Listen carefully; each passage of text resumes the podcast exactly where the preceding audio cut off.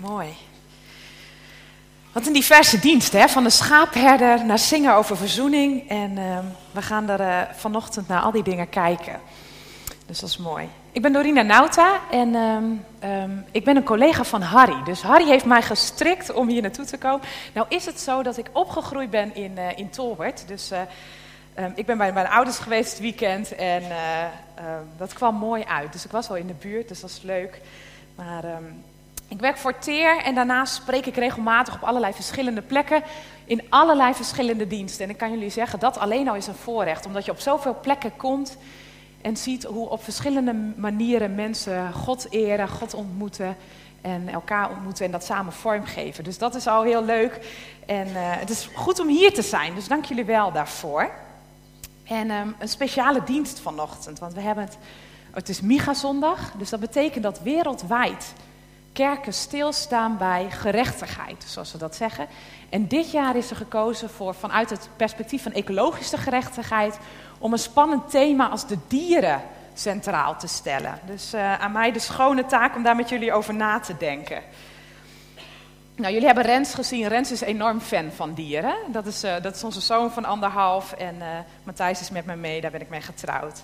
En ehm, nou, van Rens leer ik veel als het gaat over liefde voor dieren. Daar zal ik zo ook nog wel wat over delen. Dus ik moet eerlijk zeggen, ik, ik ben zelf, misschien zitten we hier alleen maar dierenvrienden, dat kan natuurlijk. Hè? Maar ik zou eerlijk bekennen, ik ben niet per se meteen een dierenvriend. En niet omdat ik, ze, omdat ik dieren geen mooie beesten vind, natuurlijk wel. Maar wij hebben bijvoorbeeld geen huisdier. Um, en de, de, dieren die bij ons in huis wel uh, rondwandelen, lopen, die, die zijn niet per se gewenst als ik het zo mag zeggen. Misschien herkennen jullie dat. Maar, uh, maar ik kan er wel van genieten als ik dan jou, Diederik, hoor over die verhalen over de schapen. En over de lessen die we daarheen kunnen leren, doorheen kunnen leren. Wat God ons wil laten zien in zijn schepping. En daar heb ik iets van ervaren het afgelopen jaar. Um, want ik heb een moestuin. We wonen in Utrecht, dus we wonen midden in de stad. Maar uh, een aantal keer per week fiets ik dan zo de stad uit, de weilanden in, richting die moestuin. En die moestuin leert me wat lessen over hoe de natuur werkt. Over hoe God zich laat zien in de schepping. Hoe uh, um, dingen groeien, hoe alles een tijd kan hebben. Hoe alles een tijd en een seizoen heeft. Um, hoe er soms de juiste omstandigheden nodig zijn om iets te laten groeien. Um, nou, wat, wat kun je allemaal voor diepe levenslessen leren uit, uit de natuur? Over dat bloemen de vooraankondiging zijn van vrucht, bijvoorbeeld. Ook zo'n mooie diepe les. En juist in de gehaastheid van het leven vind ik het heerlijk om met mijn handen in de modder te zitten. En dan stil te staan bij wat, wat leert God mij hierin? Wat, wat mag ik zien en ervaren als ik naar de schepping kijk of het zelfs letterlijk voel en ervaar? En misschien is een van de mooiste lessen van afgelopen jaar wel dat alles zijn tijd en zijn moment heeft. Dus dat er bepaalde periodes in het seizoen zijn om te planten, maar dat er ook periodes zijn om te oogsten. En dat dat zo een heel jaar rond kan maken. Zo kan de natuur ons van alles leren. En uh, um, er, zitten, er zijn heel wat Bijbelverhalen die daarover gaan. Um, we hebben al net even een knipoogje gedaan naar, uh, naar de verhalen over, over de herder en over schapen. Nou, daar zit de Bijbel vol mee. Maar er zijn ook wat verhalen die misschien wel bekende verhalen zijn, waarvan we niet eens weten dat ze eigenlijk gaan over de schepping. En um, afgelopen zomer overkwam mij dat, dat ik het verhaal van Jona las en dat ik dacht, ik heb nooit gelezen dat het helemaal vol zit met scheppingselementen. Dat het helemaal vol zit met, met dieren en met een verhaal over redding wat daarover gaat. Dus ik wil met jullie een stuk lezen uit Jona en ik lees het slot van het verhaal. En ik zal jullie zo wel meenemen door het hele verhaal heen. Dus mocht je nou denken, we vallen ergens middenin, dat gaat goed komen. We lezen Jona 3 vanaf vers 10 en dan het hele hoofdstuk uit. En het is zo dat um, um, het volk Nineveh um, was, een, was een volk wat leefde in, in onrecht, zoals er staat. En Jona moet daar naartoe om te vertellen, jullie moeten je bekeren. En toen God zag, lees ik in vers 10, dat zij inderdaad anders begonnen te leven, kwam hij terug om op wat hij geneigd had hun aan te doen. Hij deed het niet. En dit werkte grote ergernis bij Jona en hij werd kwaad. Hij bad tot de Heer, ach Heer, heb ik het niet gezegd toen ik nog thuis was? Daarom wilde ik naar Tarsus vluchten. Ik wist het wel. U bent een God die genadig is en liefdevol, geduldig en trouw en tot vergeving bereid. Laat mij maar sterven, Heer. Ik ben liever dood dan dat ik zo verder moet leven. Jona is een emotionele man, dat merken we aan alles. Maar de Heer zei, is het terecht dat je zo kwaad bent? En nadat Jona Nineveh had verlaten, was hij aan de oostkant van de stad gaan zitten.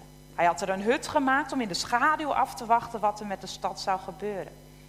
En nu liet God de Heer een wonderboom opschieten om Jona schaduw boven zijn hoofd te geven en er zijn ergernis te verdrijven. Jona was opgetogen over de plant, maar de volgende morgen bij het aanbreken van de dag liet God de plant door een worm aanvreten, zodat hij verdorde. En toen de zon opkwam, liet God een verzengende wind uit het oosten waaien. De zon brandde zo op Jona's hoofd dat hij door de hitte werd bevangen. Hij bad om te mogen sterven. Ik ben liever dood, zegt hij nog een keer, dan dat ik zo verder moet leven.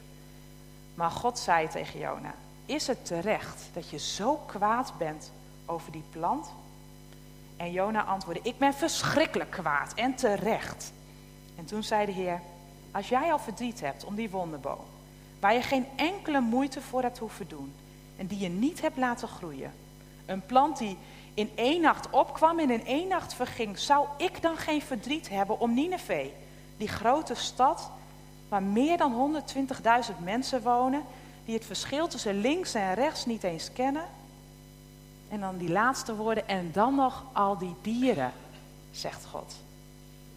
Is een tweede gedeelte wat ik met jullie wil lezen, dat is uit het Nieuwe Testament, dat is Colossense 1, vers 15 tot 20.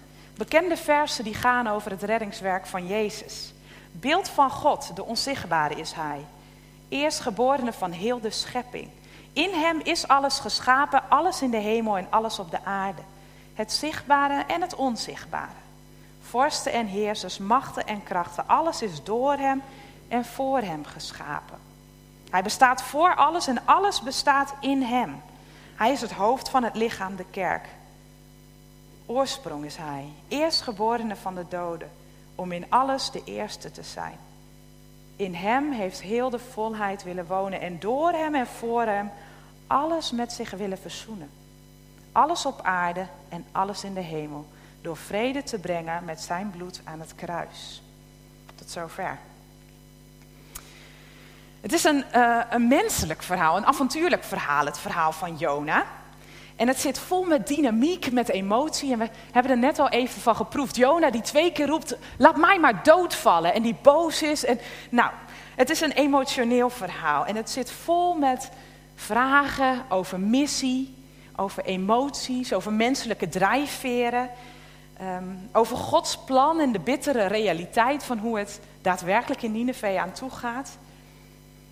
En uh, tegelijk is het ook bijna een soort sprookjesachtig verhaal. Misschien herkennen jullie dat wel. Het is bijna te gek voor woorden. Ik bedoel, Jona die opgegeten wordt door een vis en vervolgens uitgespuugd wordt en verder leeft alsof er niks gebeurt, is natuurlijk bizar eigenlijk. En het is bizar dat een boom in een dag kan groeien, door een worm wordt aangevreten en dat dan alles in één keer weg is. En dat zijn ook vragen die veel besproken worden over het verhaal van Jona. Is dit wel echt gebeurt. Kan dit eigenlijk wel als we kijken naar al die natuurverschijnselen? En eigenlijk is dat jammer dat we die vraag zoveel stellen. Niet per se omdat die vraag verkeerd is, maar omdat we daarmee soms iets over het hoofd zien. Want je kunt volgens mij eindeloos discussiëren over of er nou een walvis is die wel of niet een mens zou kunnen opeten. Of een mens daar wel of niet drie dagen in zou kunnen overleven. Je kunt discussiëren over of een boom in een dag kan groeien en weer kan sterven. En dat zijn natuurlijk goede vragen om te stellen. Helemaal als het gaat om hoe lezen we de Bijbel? Lezen we de Bijbel letterlijk? En hoe leggen we dat dan uit? Geloven we dat alles waar gebeurd is zoals dat in de Bijbel staat? Maar het kan zomaar gebeuren dat als je bij die vragen stilstaat, dat je vergeet om te lezen wat het verhaal daadwerkelijk wil zeggen. Dat je blijft hangen in, is dit nou echt gebeurd of niet? En dat we vergeten om te luisteren naar de les die erin zit. Want volgens mij maakt het voor het verhaal niet zo heel veel uit. En voor de betekenis van het verhaal. Of we nu geloven dat het daadwerkelijk zo gebeurd is of niet. Waar het om gaat is dat God ons hier iets wil laten zien. En een verhaal wil leren over missie, over wie Hij is, over zijn plan met deze wereld, over de natuur, over verzoening. En uiteindelijk heeft het niet zoveel effect op de relevantie van de boodschap. Of, nou, of Jona nou wel in een vis kan zitten of niet. Het is het verhaal wat ons gegeven is. En laten we daar maar eens induiken om te kijken wat God daardoorheen tot ons wil zeggen. En dan begint het met Jona, de zoon van, uh, van staat. Hij is een profeet, een boodschapper van God. En profeten zijn nou bij uitstek eenlingen. Dat zijn over het algemeen uh, mensen die een boodschap van God gekregen hebben, wat ze door mogen vertellen, maar waar misschien niet iedereen op zit te wachten.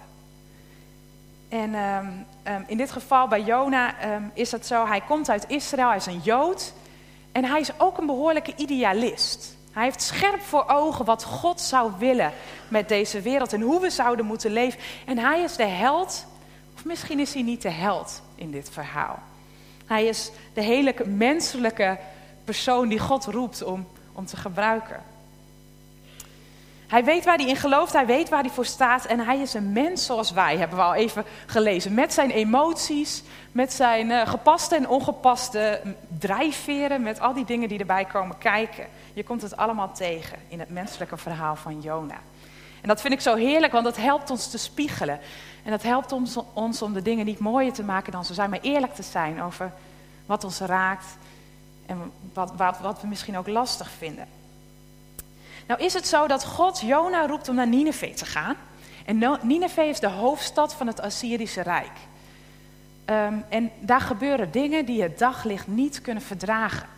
Dus God vraagt aan Jona, de Jood van het volk van Israël, naar het vreemde volk te gaan, waarvan hij weet, hier gebeuren dingen die zijn verschrikkelijk. En mijn volk heeft aan de lijve ervaren dat het niet goed is.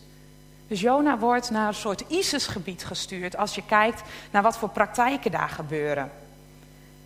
En dan zegt God, maar deze mensen en deze dieren zijn kostbaar in mijn ogen. En Jona, die heeft daar wat moeite mee. En dat begrijp ik eerlijk gezegd wel. Want als je je realiseert dat dit ook het volk is wat hen onrecht heeft gedaan, dan begrijp je wel dat Jona denkt later, ik ga daar niet naartoe. En pas aan het einde, we lazen net een stuk daarvan, pas aan het einde ontdekken we dat Jona dan zegt, maar ik wist toch wel dat u goed bent. Ik wist dat u genadig bent.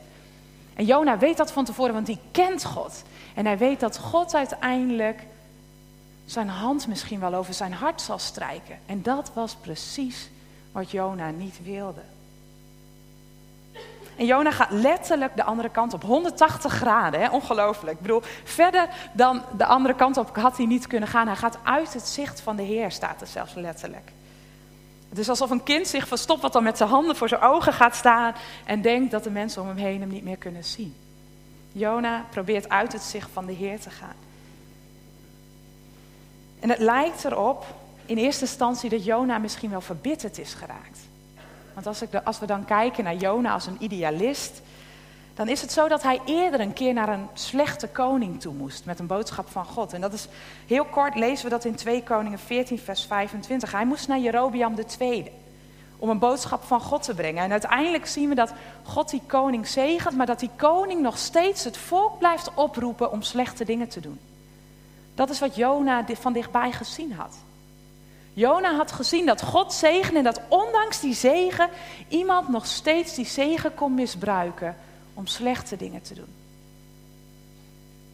En ik kan me voorstellen dat Jona door die gebeurtenis en misschien wel door veel meer dingen die gebeurd waren, teleurgesteld was geraakt. En was gaan geloven dat het geen goed idee is dat God slechte mensen zegent. Want wat kan daar dan van terechtkomen? Wat als God dit volk, wat zoveel slechte dingen doet, ook nog gaat zegenen? Wat gaat er dan gebeuren? Jona is een teleurgestelde idealist. En dat is misschien wel herkenbaar voor onze tijd. Als ik naar, naar mezelf kijk, naar mijn eigen leven, ik ben veel bezig met recht en onrecht door het werk wat ik doe. En dan denk je na over hoe zou de wereld moeten zijn. En hoe had God het in, het in zijn ideeën over het koninkrijk van God bedacht? Hoe zou de wereld eigenlijk moeten functioneren? En Jona had ook ideeën over hoe de wereld eruit zou moeten zien. En hij wist heel goed, hoe dit volk handelt is ver weg van hoe God het heeft bedoeld. Maar dan kan het zomaar zijn dat je als idealist ergens verbitterd raakt. Dat je ergens dingen over het hoofd begint te zien. Want hoe voorkom je nou dat je jong en idealistisch begint aan je leven en misschien oud en verbitterd het leven moet verlaten? Nou is het niet per se erg om boos te zijn over onrecht. Dat, kijk, um, dat, dat Jona boos is over het onrecht wat er gebeurt door dit volk is volgens mij heel goed zelfs. Het is ook niet zo dat hij doet alsof daar niks aan de hand is. Hij gaat inderdaad uiteindelijk naar dat volk toe om te zeggen dat het niet goed is, dat ze zich moeten bekeren. Maar als onze woede over onrecht belangrijker wordt dan mensen, als we niet meer zien wie de mensen zijn, als we niet meer zien dat dit ook mensen zijn met kinderen waar ze van houden, met hun dieren, met hun omgeving waarin ze leven, dan kunnen we ze zomaar gaan zien als obstakels van onze mooie ideologieën. En dan kan het zomaar zijn dat je bitter wordt. En dat is een risico van idealisme. Je ziet geen mensen meer, maar obstakels. Nou, en dan komt, dan komt die, Jona, Jona is geroepen, dan komt die storm. Jona is de andere kant op gegaan, hij is het water opgegaan, dan komt die storm. En dan, uh, uh, dat is een van de vele natuurverschijnselen. En Jona ligt te slapen. De matrozen die voeren allerlei dingen uit op het dek. Er worden allerlei religieuze handelingen uitgevoerd om maar te zorgen dat de storm gaat liggen. En dan komt die kapitein bij Jona en die wordt een beetje boos. Die zegt, lig jij hier nou te slapen? Jij bent toch een Jood? Je moet je God aanroepen. Dus zo wordt Jona uh, naar boven gehaald om mee te bidden. En dan gaan ze lot werpen en dan blijkt, dan bekent Jona eerlijk, ik ben eigenlijk op de vlucht voor mijn God. En dan zegt hij daarbij een soort beleidenis. De God die hemel en aarde gemaakt heeft. De God die de zee en de dieren daarin gemaakt heeft, staat er dan. De schepper van alles wat leeft. En het lijkt erop dat de bemanningsleden uiteindelijk meer ontzag voor die schepper hebben dan Jona zelf. Jona die op de vlucht is voor God. En als ze hem uiteindelijk overboord gooien, komen die bemanningsleden tot geloof. En dat vind ik bijzonder, dat, dat Jona's ongehoorzaamheid door God gebruikt wordt om mensen tot geloof te brengen. Dat laat iets zien van Gods onbegrijpelijke plannen. En inderdaad, hij wordt overboord gegooid, hij wordt opgeslokt door een vis en wordt uitgespuugd op het land. En dan vraagt God opnieuw diezelfde vraag: Jona, ga naar Nineveh.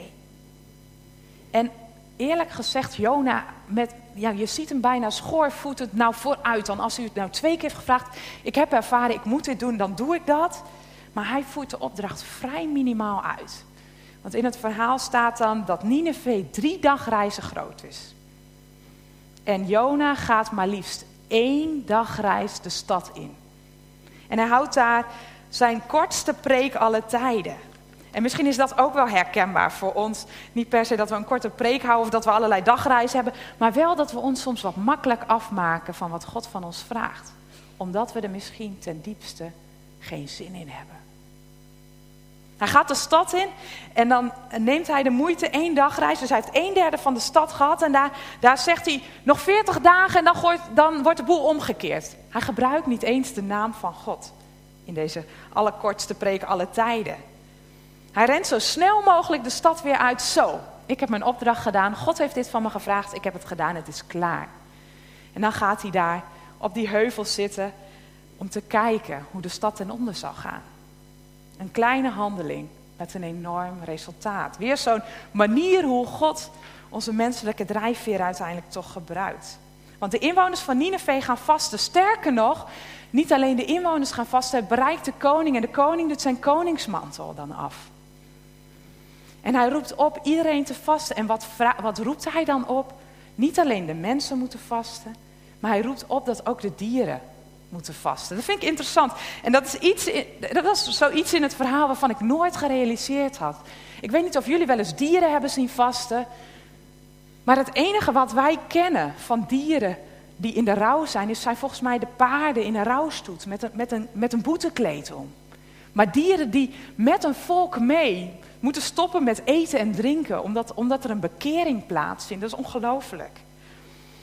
Dus zelfs de dieren vasten mee. En als je zo, als je dit verhaal opnieuw leest, en misschien moet je dat thuis eens doen, is dat je, als je dat verhaal opnieuw doorgaat, dan realiseer je dat het bomvol met natuurverschijnselen zit. de storm, het water, de walvis, de boom die groeit, de dieren die vasten, de wind die komt, de zon die schijnt, Jona die op zoek is naar schaduw. Nou, ga zo maar door. Het zit vol met natuurverschijnselen. En God gebruikt zijn schepping in dit verhaal om ons iets te leren, om te spreken. En hij laat zien wat hij wil zeggen. En dat is Gods manier om door zijn schepping heen te spreken. We hoorden dat al even in de verhalen over, over de schapen en wat dat soms ook zegt over ons als mensen. Maar hoe spreekt God door de natuur? Spreekt God dan door natuurrampen bijvoorbeeld, om even bij de gebrokenheid van de schepping stil te staan? En als dat zo is, wat wil Hij daarin dan tot ons zeggen? En ik bedoel daarmee niet te zeggen dat het Gods idee is om zo'n natuurramp te veroorzaken. Nee. Maar als het dan gebeurt, wat wil God ons daardoorheen dan duidelijk maken?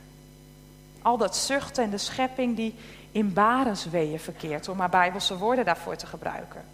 En dan zijn wij als mens geschapen als kroon op de schepping, als rentmeester, als verantwoordelijk om daar goed mee om te gaan. En God die betrokken is bij dat complexe geheel van al die ecosystemen, van al die dieren en mensen en planten die met elkaar in verhouding leven als een geheel. En daarin wordt hij zichtbaar, zelfs nu de aarde zucht. Want in de oneindigheid van het heelal zien we hoe ongelooflijk groot het is dat God zowel het begin als het einde is. In de diversiteit wordt wat mij betreft zijn creativiteit zichtbaar. Ik bedoel, God had er ook voor kunnen kiezen om drie soorten dieren te schapen. Maar hij stopte daar niet bij. In de bergen wordt Gods grootheid zichtbaar. In het ontstaan van nieuw leven wordt zijn leven geopenbaard. En in natuurrampen zien we hoe hij verdriet heeft over hoe we omgaan met de schepping. Horen we God nog wel spreken in de natuur? En soms hebben we daar even stilte voor nodig. Soms hebben we het nodig om gewoon naar een boom te kijken of naar die kudde schapen te kijken en te zien wat God daar doorheen wil zeggen. God spreekt via die boom tegen Jona. Want Jona is boos. En dan zegt God: Is het terecht dat jij boos bent, Jona? En met dat kleine voorbeeld van die boom sluit God opnieuw aan bij de, bij de emoties van Jona. Jona die wat licht ontvlambaar is. Jona die al twee keer geroepen heeft, laat mij maar doodgaan. Alsof het niks is. Maar Jona die zijn boosheid serieus, of God die de boosheid van Jona serieus neemt. En die zegt, ik zie dat je boos bent. En ik snap het ook. Maar hij zet de boosheid van Jona in een groter perspectief. Want als jij al zo boos bent om iets waar je totaal geen moeite voor hebt gedaan, om een boom die zomaar gegroeid is, die je zomaar gegeven is, hoe denk je dan dat ik denk, zegt God? Over die mensen en die dieren en die schepselen die ik gemaakt heb. God zegt in feite dit, Jona, ik heb Nineveh laten groeien. Ik hou van haar en misschien begrijp je dat niet. Omdat ze zoveel onrecht doen. Maar ik maak me druk over hun hel, zegt God. God maakt zich niet alleen druk over die 120.000 mensen. Hij maakt zich dan ook nog eens druk, die laatste woorden, die laatste vraag over al die dieren. Want de redding van Nineveh telt ook voor de dieren. God bekommert zich dus blijkbaar niet alleen om mensen, maar ook om dieren. Dus als wij nadenken over verzoening en over herstel en over dat wat God in deze wereld wil doen. Als we nadenken over hoeveel liefde God heeft voor de mensen in Drachten dan is dat niet alleen voor de mensen, maar ook voor al die dieren. Want mensen en dieren zijn lotgenoot en beide deel van Gods genade. Dus dat betekent dat Gods beloften niet alleen voor mensen zijn, maar ook voor dieren. En als je, als, als je dat ontdekt in de Bijbel, dan lees je het ineens overal. Dan lees je Romeinen 8, waar staat: de schepping die in banesnood wacht totdat openbaar wordt wie Gods kinderen zijn. Dan lees je die tekst die we lazen, Colossense 1. Het beeld van God is Hij, geschapen voor en door alles. Dan lees je overal hoe de schepping verbonden is met ons als mensen. En dan dat verhaal van Noach met de regenboog. Ik weet niet of jullie het weten, maar God sluit aan het einde van dat verhaal verbond. Met Noach denken we altijd.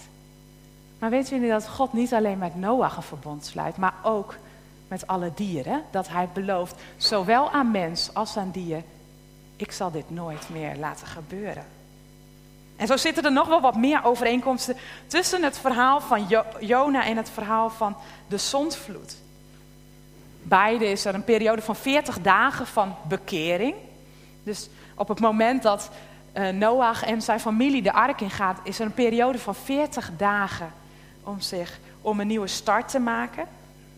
Nou, ook hier waren, hadden de mensen in Nineveh 40 dagen de tijd om zich te bekeren. Jona en Noach, die allebei aan het reizen zijn. En als er dan droog land komt, ontstaat er een nieuwe start. En wisten jullie dat de naam van Jona duif betekent?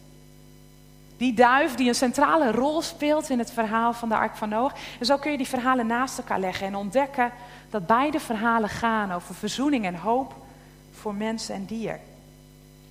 Maar op de een of andere manier zijn dat vanzelfsprekende verhalen waar we het element van de dieren nogal eens weglaten of vergeten te lezen.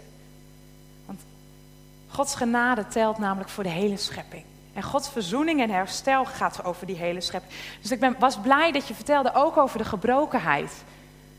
Die we kunnen ervaren in de schepping om ons heen. Want soms zingen we alleen maar die prachtig mooie liederen over. Ja, God laat zich zien in de schepping. En dat is prachtig mooi. Maar vergeten we dat ook de schepping in gebrokenheid is. En als we dan nadenken over verzoening en over herstel. Dan zal God niet alleen ons als mensen herstellen. Maar ook die gehele schepping herstellen. Dus als God verzoening aanbiedt door het werk van Jezus, dan is dat ook voor de schepping. En dan is dat ook voor de dieren. En dan wil ik niet zeggen dat je met je hond of je konijn een soort zondagsgebed zou moeten bidden om, om hun hart aan, aan Jezus te geven. Nee, maar God gaat ook in die schepping en in die dieren herstel bieden. En tegelijk laten dan die grote ecologische problemen zien dat er inderdaad herstel nodig is. Tegelijk zijn er allerlei dilemma's vandaag de dag. En nou, we hoeven niet zo heel ver terug te kijken om dat te ontdekken. Die laten zien dat, dat er herstel nodig is. Op allerlei fronten. Kijk maar naar de snelle afname van het aantal wilde dieren. De dieren die uitsterven. De belasting van het milieu door de manier waarop we met dieren omgaan. En de Bijbel biedt dan een alternatief. De mens als onderdeel van het grote geheel. De mens als rentmeester om die schepping tot bloei te brengen. De menselijke verantwoordelijkheid om te voorkomen zelfs dat diersoorten uitsterven. En dan is zorg voor de schepping een onderdeel van onze aanbidding. Dan is de manier waarop wij omgaan met de schepping een manier om God te eren. En het herstel van de aarde met al haar inwoners is onderdeel van het koninkrijk van God. Want missie gaat ook over dieren en verzoening gaat ook over dieren, zoals we in het verhaal lezen. En dat stelt ons ook wat vragen, want wat zouden wij dan als kerk kunnen doen om die verzoening in al haar breedte en diepte te laten zien? En dan vind ik het fantastisch. Ik bedoel, wanneer heeft een dierenasiel nou een collecte gehad van een kerk? Dan vind ik het een fantastisch middel om te laten zien, ja, wij geven om die dieren. Maar wat zouden wij als kerk kunnen doen om niet alleen te laten zien dat we ons bekommeren om mensen, maar ook om dieren? Hoe kunnen wij zorg dragen als rentmeesters? En dan vraagt God niet om die hele wereld te redden van ons. Maar hij vraagt wel om verantwoordelijk te leven. En hij vraagt om dat wat hij ons heeft toevertrouwd, zorgvuldig te behandelen en haar tot bloei te brengen. En gelukkig geeft het dan lucht om te weten dat God zijn toekomst, de toekomst van deze wereld, in zijn handen houdt. Wat betekent het voor jou en voor mijn leven? Gewoon heel concreet. In hoe wij leven. En misschien betekent het inderdaad dat we collecteren voor het asiel. Misschien betekent het dat we ons inzetten voor plekken waar zorg voor dieren wordt gedragen. Maar misschien betekent het ook wel dat we wandelingen organiseren waarin we mensen opnieuw onder de indruk laten zijn van wat God geeft in de schepping. Het kan van alles zijn wat we als kerk kunnen doen om die breedte van verzoening te laten zien. En misschien mogen we dan wel opnieuw, en dat hoop ik, dat we opnieuw onder de indruk mogen zijn van Gods schepping.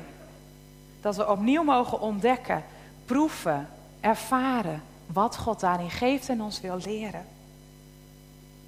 Nou is het zo, jullie hebben Rens hier zien rondwandelen en wij waren op vakantie en we gingen terug van vakantie en we moesten een behoorlijke autorit terug. En dat was de gemakkelijkste autorit die we ooit gehad hebben. De meeste ritjes naar, uh, hier naar het noorden duren langer dan die autorit gevoelsmatig. En dat kwam, hij had twee weken buiten geleefd. En hij had elk vliegtuig voorbij zien komen, elke paraglider had hij gezien en elke vogel heeft hij aangewezen. En zo gingen we ook terug naar huis. Twaalf uur lang heeft hij werkelijk bij elke vogel gezien. En toen dacht ik, dat leert mij iets over de kinderlijke, het kinderlijk genieten van dat wat God geeft in de schepping. Kijk maar naar die vogel. Kijk, daar is er nog een. En zo zat hij steeds te wijzen. En misschien kunnen we daar iets van leren. Kunnen wij als kind genieten van wat God heeft gegeven en ons inzetten voor de redding daarvan? Amen. Ik wil met jullie bidden om uh, God te danken voor wat Hij gegeven heeft en te bidden voor hoe onze levens verbonden mogen zijn met Zijn schepping. Vader God, dank u wel. Heer, dank u wel dat u schepper bent van hemel en aarde. Dank u wel dat u zoveel groter bent dan wat we ooit kunnen beseffen. Dank u wel dat u God bent, Heer van hemel en aarde. Heer, dat u God bent van ons als mensen, dat u God bent van alle dieren, dat u God bent van het grotere geheel. Heer, dank u wel voor hoe u zichtbaar wordt in de schepping. Dank u wel voor hoe we onder de indruk kunnen zijn van hoe groot u bent, hoe creatief u bent. Heer, hoe oneindig u bent, hoe ongelooflijk wonderlijk u bent. Als we ons realiseren wat, wat u allemaal voor dingen heeft gelegd in de schepping. Heer, dank u wel voor heel concreet gewoon die schaap, schaapkuddes die hier in Drachten mogen mogen grazen. Heer, die een bijdrage leveren aan het, aan het geheel. Heer, waar we van mogen genieten, maar die ook zo vruchtbaar zijn voor de grond. Heer, dank u wel voor wat we op die manier mogen doen.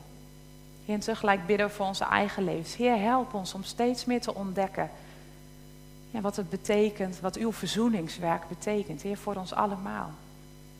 Heer, dank u wel dat, ja, dat, dat u belooft dat u gaat herstellen. Heer, en dank u wel voor het vertrouwen. Om daar een bijdrage in te leveren, om, te zorg, om zorg te dragen voor uw schepping. Heer, en dan bidden we ook uw ontferming. Heer, als we er soms een potje van hebben gemaakt. Heer, bidden we uw vergeving als we tekort hebben geschoten in de manier waarop we omgaan met dat wat u gegeven heeft. Heer, we bidden dat u zich ontfermt over deze wereld. Dat u zich ontfermt over uw schepping, Heer waar de gebrokenheid soms ook zo ongelooflijk zichtbaar is. Heer, heel dichtbij misschien in onze eigen levens, maar ook verder weg in het grotere geheel. Heer, we bidden dat u de wereld vasthoudt en we weten dat u dat zult doen. Heer, en we kijken uit naar hoe u eens alles zult herstellen. Heer, wilt u tot die tijd ons helpen om het juiste te doen en uw, uw handen en voeten te zijn en zorg te dragen voor dat wat u ons heeft toevertrouwd. Heer, dank u wel voor wie u bent. Dank u wel dat u God bent van hemel en aarde. En dat u nooit loslaat als uw hand begonnen is. In Jezus' naam. Amen.